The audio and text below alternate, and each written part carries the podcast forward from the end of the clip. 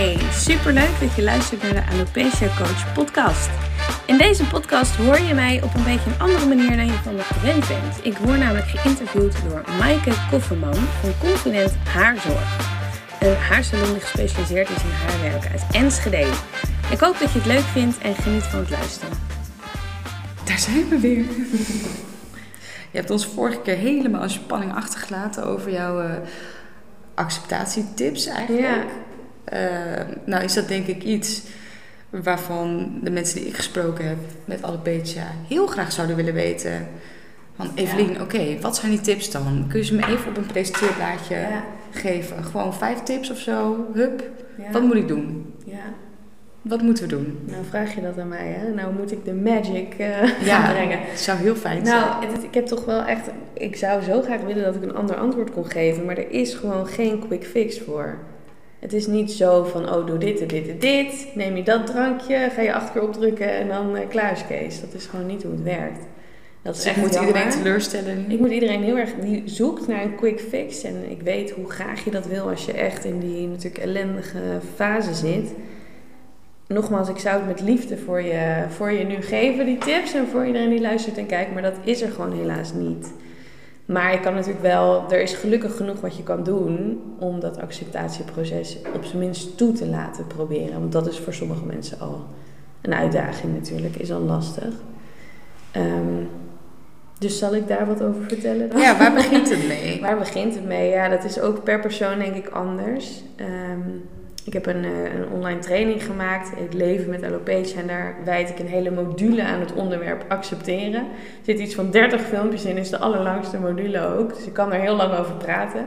Maar een van de dingen die ik daar vooral noem is... eh, überhaupt de definitie van accepteren. Want ik heb ook vaak gehoord van, nou, je moet het gewoon accepteren. Het is maar haar, hè, daar is hij weer. Dus je moet het Ja. maar accepteren. Ja.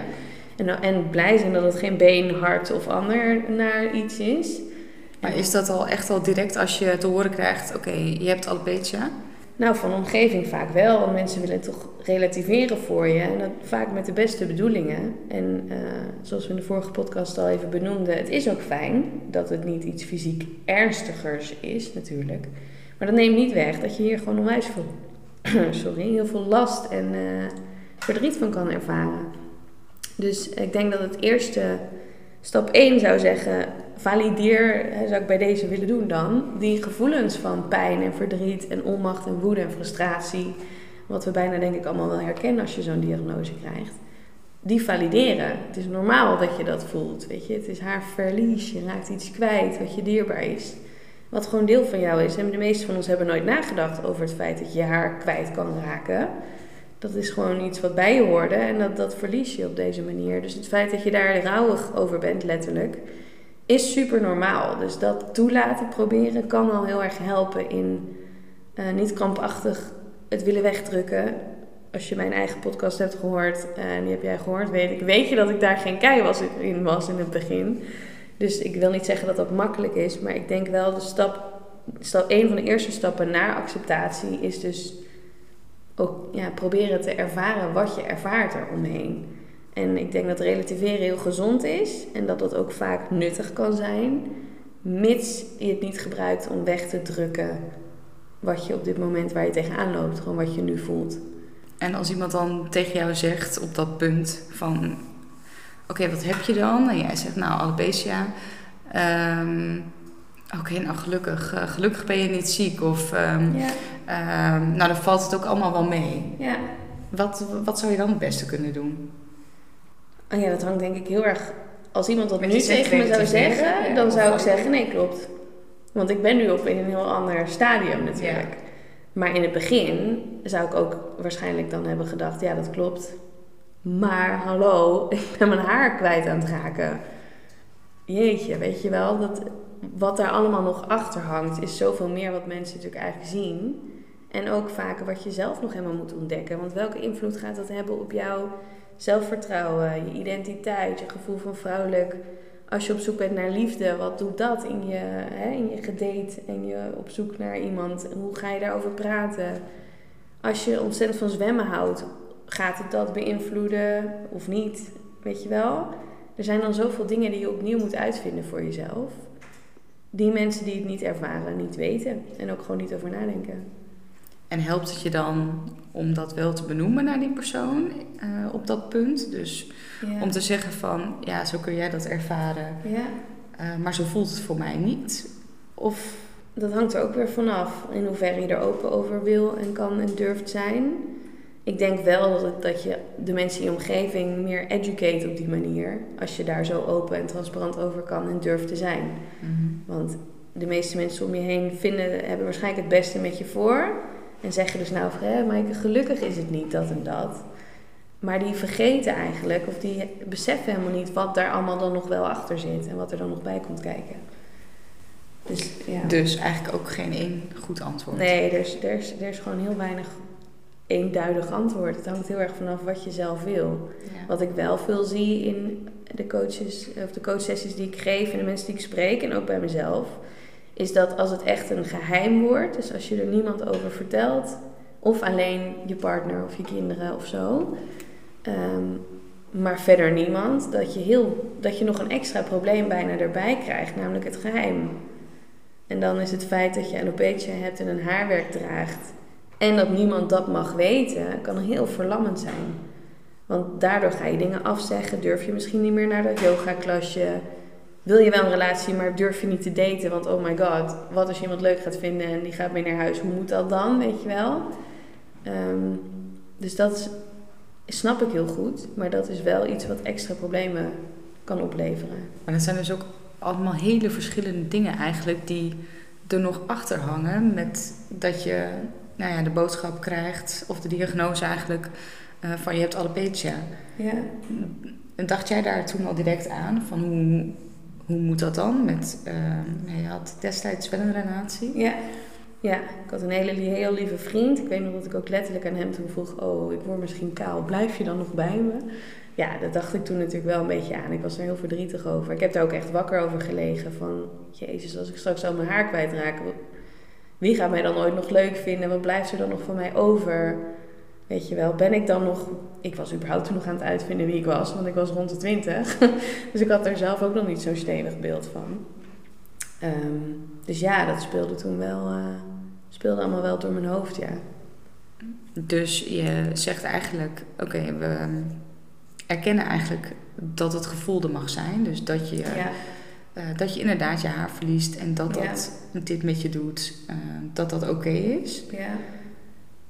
Heb je nog andere tips Ja. die bij acceptatie passen? Ja, ik denk dat twee nog belangrijke tips om te noemen is één, zorg dat je je niet alleen voelt hierin. Voor mij was dat heel lang een bottleneck geweest tot ik op kantoor, gek genoeg bij een bedrijf waar ik toen werkte, een vrouw tegenkwam die iets ouder was dan ik, maar niet veel. En die eigenlijk exact hetzelfde had als ik, wat vrij bijzonder is natuurlijk. En ook, we zaten ook nog een beetje in dezelfde fase. Dus we waren pas net soort van aan het ontdekken wat we dan precies hadden. We hadden al ontzettend veel dezelfde westerse en niet-westerse dingen eh, geprobeerd. Dus het feit dat ik iemand tegenkwam, noem het een lotgenoot, je, dat is meteen zo'n slachtofferig woord, maar iemand die het echt begreep, dat zeg ik altijd, iemand die het echt begrijpt, heeft mij ontzettend ook geholpen in het acceptatieproces. Want dan weet je gewoon dat je geen freakshow bent, dat je niet de enige bent die dit doormaakt. En dat je ook niet helemaal alleen dit wiel hoeft uit te vinden. Voelde dat wel zo? Ja, best wel. Ik heb altijd ontzettend lieve ondersteuning gehad van vrienden, familie. Maar die ondergaan het niet. En gelukkig ondergingen ze het niet. Dat gun ik ze ook helemaal niet. Dat zou ik ook nooit willen. Maar het feit dat je iemand hebt die het echt... Waar je gewoon één blik wat genoeg is, weet je wel. Of als iemand een opmerking maakt over het weer, dat het zou gaan waaien, smiddags. Dat je meteen denkt, oh kut, nou dan... eh, Weet je, dan gaat ons haar, wat heel dun was en net mooi ge- gelegd was op je kale plekken, gaat dan weer. En dat- Toen droeg je nog geen haar. Nee, nee, nee. Ook wel in die tijd gebeurd. Tegelijkertijd met haar. Dus dat was heel, eh, met die collega. Dus dat was ook heel mooi om samen op te trekken. Maar in mijn acceptatieproces heeft dat mij echt geholpen. Dus niet iedereen heeft het geluk om iemand tegen te komen op kantoor die precies in dezelfde fase met hetzelfde dealt. Maar er zijn wel genoeg plekken waar je wel iemand kan vinden. Zij het online, zij het bij mij, zij het bij een vereniging of bij een stichting of wherever. Doe wat goed voelt voor jou, maar weet dat je echt niet alleen bent en zoek dat dan ook op. En dat kan in het begin al heel eng en spannend zijn, omdat je je helemaal niet mee wil associëren. Maar af en toe toch even stiekem om dat hoekje kijken kan al helpen in acceptatie. En de tweede tip, en dat is meteen een enorme tip waar dan weer honderd andere tips achter zitten. Maar weet dat je met je mindset gewoon echt heel veel kan veranderen. Weet je, dit overkomt je. Niemand vindt het leuk om alopecia te krijgen. Niemand wil dat krijgen. Het is een soort van ongewenste cadeautje. Wat je uit te pakken hebt, want het, is, het zijn de feiten. En ik denk als je je gedachten durft en kan en wil onderzoeken, van wat, wat denk ik en voel ik hierover. Um, als je daar bewust van wordt, en daar kan dus bijvoorbeeld coaching heel erg echt in helpen, kan je ook aan die knopjes draaien. Dus dan kan je ook kijken, oké, dus dit zijn gedachten die ik heb, maar het zijn maar gedachten. Ik hoef ze niet te geloven. En dat kan al een enorm inzicht zijn voor mensen. Dus doordat je, als je kan leren met meer afstand naar je gedachten te kijken en je gevoel, uh, geeft je dat heel veel regie. En kan je ook kijken, nou, hoe kan ik mijn gedachten dan veranderen? Want feit is dat je alopecia hebt. Kan je lang of kort over praten. Niemand vindt het leuk, maar dat is het en daar zal je wat mee moeten. En ik denk ook heel erg dat um, een, een haarspecialist, ik weet niet hoe dat bij jou is geweest, maar wat ik hier zie, zijn ze altijd heel erg onderdeel van, nou ja, van het proces, maar ook eigenlijk ja, heel erg een, een, iemand waarmee je optrekt. Waar, waarmee je ook fijn voelt en uh, die begrijpt wat jouw struggling is. En binnen die vierkante meters is dat even heel erg... Um, Intiem. Ja, en belangrijk. toch wel. Ja. Want zij weten eigenlijk vanaf het begin tot aan waar je nu staat, wat, waar iemand mee gestruggeld heeft. En um, ook als iemand weer haar krijgt bijvoorbeeld, nou, dan komen ze hier trots binnen. Ja. En dan ja, moet je toch even kijken. Ja. Kijk hoe lang het al is geworden. Je geeft je letterlijk en figuur, figuurlijk dan bloot. En zeker als niemand verder weet van haar haarwerk, kan ik me voorstellen dat dit echt zo'n ankerpunt is van... Oh, hier kan ik het, hier, hier is het bekend, weet je wel. Hier is even opluchting, even meer rust. Ja, kun je echt even nou ja, jezelf zijn. Ja, niet je guard up hoeven te hebben de hele tijd. Ja. ja. Voelde uh, een haarwerk voor jou ook als een Voelt het ook als een soort identiteit wat je op en afzet? Of, of is dat niet zo? Mm, wat ik fijn vond, weet ik nog, toen ik een haarwerk kreeg, ongeveer tien jaar geleden, is dat ik, ik kreeg, ik heb er heel lang mee gewacht. Als ik nu foto's terugzie, denk ik, oh man, ik had het eigenlijk echt eerder moeten doen. Maar ik was er toen niet aan toe en het is was toen mijn eigen proces, zeg maar. Dus dat is toen zo gegaan, prima. Mhm. Maar ik kreeg dus al heel veel opmerkingen van mensen. Van, oh, ben je ziek? Of jeetje, wat heb je dun haar? Of... Uh, dus ik, voor mij, ik deed, ik deed een soort van struisvogeltactiek. Als ik zelf niet te veel in de spiegel kijk en zo, dan zien andere mensen dat ook niet. Tot ik dat, dat was natuurlijk onzin. Je kon het niet meer verbloemen. Nee, nee, en ik kreeg zo vaak het naar mijn hoofd geslingerd, letterlijk, dat ik, uh, ja, dat dat natuurlijk niet meer opging. Kon ik mezelf ook niet meer. Uh, dus mensen zeiden het ook echt tegen je? Ja, die zeiden wel echt. Ja, en ik hou ontzettend van duiken. Dus daar heb ik ook een blog over geschreven en zo. Daar vertel ik over. Scuba diving is niet ideaal als je haar niet nat wil, uh, wil krijgen. Want nat haar is natuurlijk nog veel zichtbaarder dat je gewoon heel weinig haar hebt. Ja. Dus toen, wat, toen moest ik me altijd al super schrap zetten. Want dan wist ik zeker dat ik er een opmerking over ging krijgen.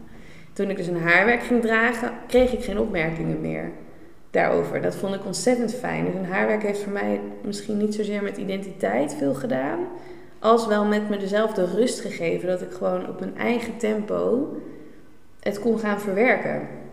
Zonder opmerkingen deed van buitenaf. Waar ik op sommige momenten helemaal geen zin in had. Zoals dat voorbeeld van toen kantoor. Dat ik een nieuwe baan had en die ene vrouw, wat uiteindelijk een God's gift bleek te zijn. Mm. Maar toen we elkaar net ontmoetten, was het eerste wat ze mij vroeg tijdens zo'n koffie-kennismakingsmomentje: van, Oh, je hebt hetzelfde soort haar als ik. Uh, wat doe je er allemaal mee? Weet je wel, wat heb jij dan? En dat was het allereerste wat een nieuwe collega tegen me zei. Daar heb je geen zin in. Je bent al natuurlijk onzeker op een nieuwe baan. En je denkt van, nou, zou ik het wel kunnen? En zou ik het leuk vinden? En wat gaan we doen? Dus daar werd ik niet meer mee geconfronteerd. Dat vond ik echt van haar werk heel fijn. Dus, dus zag je het dan meer als een, als een hulpmiddel? Ja, ja, zeker als een hulpmiddel. En dus nu inmiddels ook als gewoon iets heel fijns en heel leuks. Waar je gewoon plezier mee kan hebben en mee kan spelen. En dan wordt het misschien wel weer meer een soort van tijdelijke identiteit. Dus ik heb nu nog best wel veel haarwerken die hierop lijken. Nou, best wel veel. Twee, drie die gewoon hierop lijken. Mhm. Maar ik ben wel nu echt toe aan bijvoorbeeld donkere krullen. gewoon om te kijken hoe dat staat, weet je wel. Dus echt veel meer mee spelen. Gewoon even iets nieuws. Maar ook omdat je denkt van, nou, uh, boeien. Ik, ik doe dat Maar- gewoon omdat ik het leuk vind. En dat is omdat ik nu in de fase zit dat ik het echt los kan. Mijn haar ben ik niet. Hoe ik eruit zie, ben ik niet. Weet je? Dus als mensen zien dat ik ineens lang rood haar heb, of donker krullen of kort blond haar, zullen ze misschien gek vinden, maar dat maakt me niet zoveel uit. Want dat is gewoon, het hoort bij mij. Dus acceptatie, daar, nou ja, jij bent alle stapjes doorlopen eigenlijk eh, op jouw eigen manier. Ja, ik krijg wel vaak de vraag: heb je het dan helemaal geaccepteerd en ben je nooit meer verdrietig erover? Ehm wou je dat ook vragen of niet? Vul ik hem even voor je in. Nou, ik ben ik niet. denk dat dat iets is wat veel mensen zich afvragen. Ja, nee, ja, ik ben natuurlijk ook af en toe wel nog baal ik ervan. Ik kan er niet echt, ben er niet echt verdrietig meer over. Eh, dat komt ook, denk ik, omdat ik gewoon een ontzettend lieve vriend heb die het echt geen bal uitmaakt of ik nou met of zonder haar werk op de bank zit of niet. En dat geloof ik ook oprecht. En dat kan ik dus ook oprecht geloven. Dat is natuurlijk ook iets wat veel in jezelf zit. Want veel lieve mensen om je heen kunnen van alles tegen je zeggen. Als je dat niet kan of wil horen, komt het niet binnen, zeg maar. Ja. Ehm, ik kan er wel, wat ik dan net zei, met zo'n lekker knot op mijn kop. Dat zou ik echt heerlijk vinden om weer te, weer te kunnen. En ik ben nu de afgelopen week, was ik in Zeeland met mijn familie. Toen ben ik gaan zwemmen in de zee. Het was heel lekker warm. Zet ik hem af in zo'n houten strandhokje. Ligt hij daar gewoon naast mijn telefoon, sleutels, handdoekie, zeg maar zo. En dan ren ik lekker de zee in. En ik ben nu wel op zo'n punt dat ik even, dat zal denk ik altijd zo blijven, even voel van... "Oh, Oké, ik ga dit nu doen. Ik voel even zo'n kriebel. Maar dan heb ik een heel soort van lijstje in mijn hoofd dat ik afga. Bijvoorbeeld zijn deze gedachten die ik nu heb waar. En ik laat dat gevoel er zijn. Dus ik ga niet zeggen, ik ga er niet naar handelen. Maar ik, ik een soort van, het zijn echt millisecondes inmiddels bij mij. Even stil van waar voel ik dit dan? Wat wil me dit nou vertellen? Dit wil me alleen maar beschermen voor reacties van andere mensen. Maar ik wil zwemmen. Het is hartstikke warm. Ik heb het warm. Ik, wil gewoon een kopje onder. Ik wil niet. Ik kan ook natuurlijk gewoon zwemmen met haarwerk, maar dan moet je zo braaf boven blijven. Had ik geen zin in. Dus dan kies ik toch bewust voor even het verduren van die spanning, van die kriebels. Maar uiteindelijk duurt dat dus, dat is echt oefening, denk ik. Dat zijn dingen die jij ook hebt geleerd om daarmee om te gaan. Tuurlijk. En, maar ik denk dus altijd. Maar dat kan iedereen Dat eigenlijk. kan iedereen. Maar ja, het, is, het valt of staat bij doen en doorzetten. Dus accepteren, ik heb het denk ik echt helemaal geaccepteerd. Maar ik blijf zo altijd wel even wat ongemak eromheen blijven ervaren. Alleen die spier heb ik echt goed getraind. Dus ik ben wel echt... Dus accepteren kun je leren. Accepteren, ik, kijk, mijn manier. visie op accepteren... En hier gaan we misschien wat commentaar op krijgen. Want heel veel mensen zeggen, dit kan je niet accepteren. Je, je kan er alleen mee leren leven. Ja. In mijn visie, sorry als dit mensen beleden, is acceptatie is een keuze. Dat is best wel een botte uitspraak, maar je hebt denk ik echt veel invloed op hoe je eh, hier je leven verder mee invult. En gelukkig, niet alles is maakbaar, dat wil ik er niet mee zeggen. Dus het blijft altijd even ongemakkelijk. Je zal altijd wel wat ongemakkelijke gevoelens waarschijnlijk eromheen hebben. Kan ik me goed voorstellen. Maar het betekent niet dat je je hoeft te weerhouden hiervan. Ja, of dat je er echt niet bij neer kan leggen dat je dit hebt. Mooi om eh, mee te eindigen en om daar eh, in ieder geval eventjes te horen wat voor reacties daarop komen. Ja. En misschien ook heel verschillend in welke fase Ja, iemand zit of dat, hoe hard dat binnenkomt. Ja, zeker. Ehm, maar eigenlijk zeg je, ja, acceptatie, in hoeverre dat dus kan of niet, is een keuze. Ehm, maar iedereen die doet dat op zijn of haar manier. Maar er zijn wel bepaalde tools die je je eigen kunt maken, die je kunt oefenen. Ja. Om daar zo goed en zo kwaad mogelijk als je kunt mee, eh, mee om te gaan. ja. En ook nog goed om even de side note accepteren betekent dus niet jubelend omarmen. Maar de negatieve lading er wat meer van los te laten. En ruimte te geven voor alles wat daar dan weer bij komt kijken. Dus wel ook nog gewoon je verdriet te laten zijn. En eh, je woede en je frustratie in een kussen schoppen. En eh, keihard meezingen met metal in de auto. Whatever works, weet je wel. Mooi mee te eindigen. Top. De tips voor acceptatie. Dankjewel. Ja. Dank voor het luisteren. Te gek dat je er was. Als je meer wil weten over mij en wat ik te bieden heb als de Alopecia Coach, schroom dan niet om mij een mailtje te sturen naar evelien.alopeciacoach.com of kijk op mijn website. Ik hoop snel van je te horen. You got this.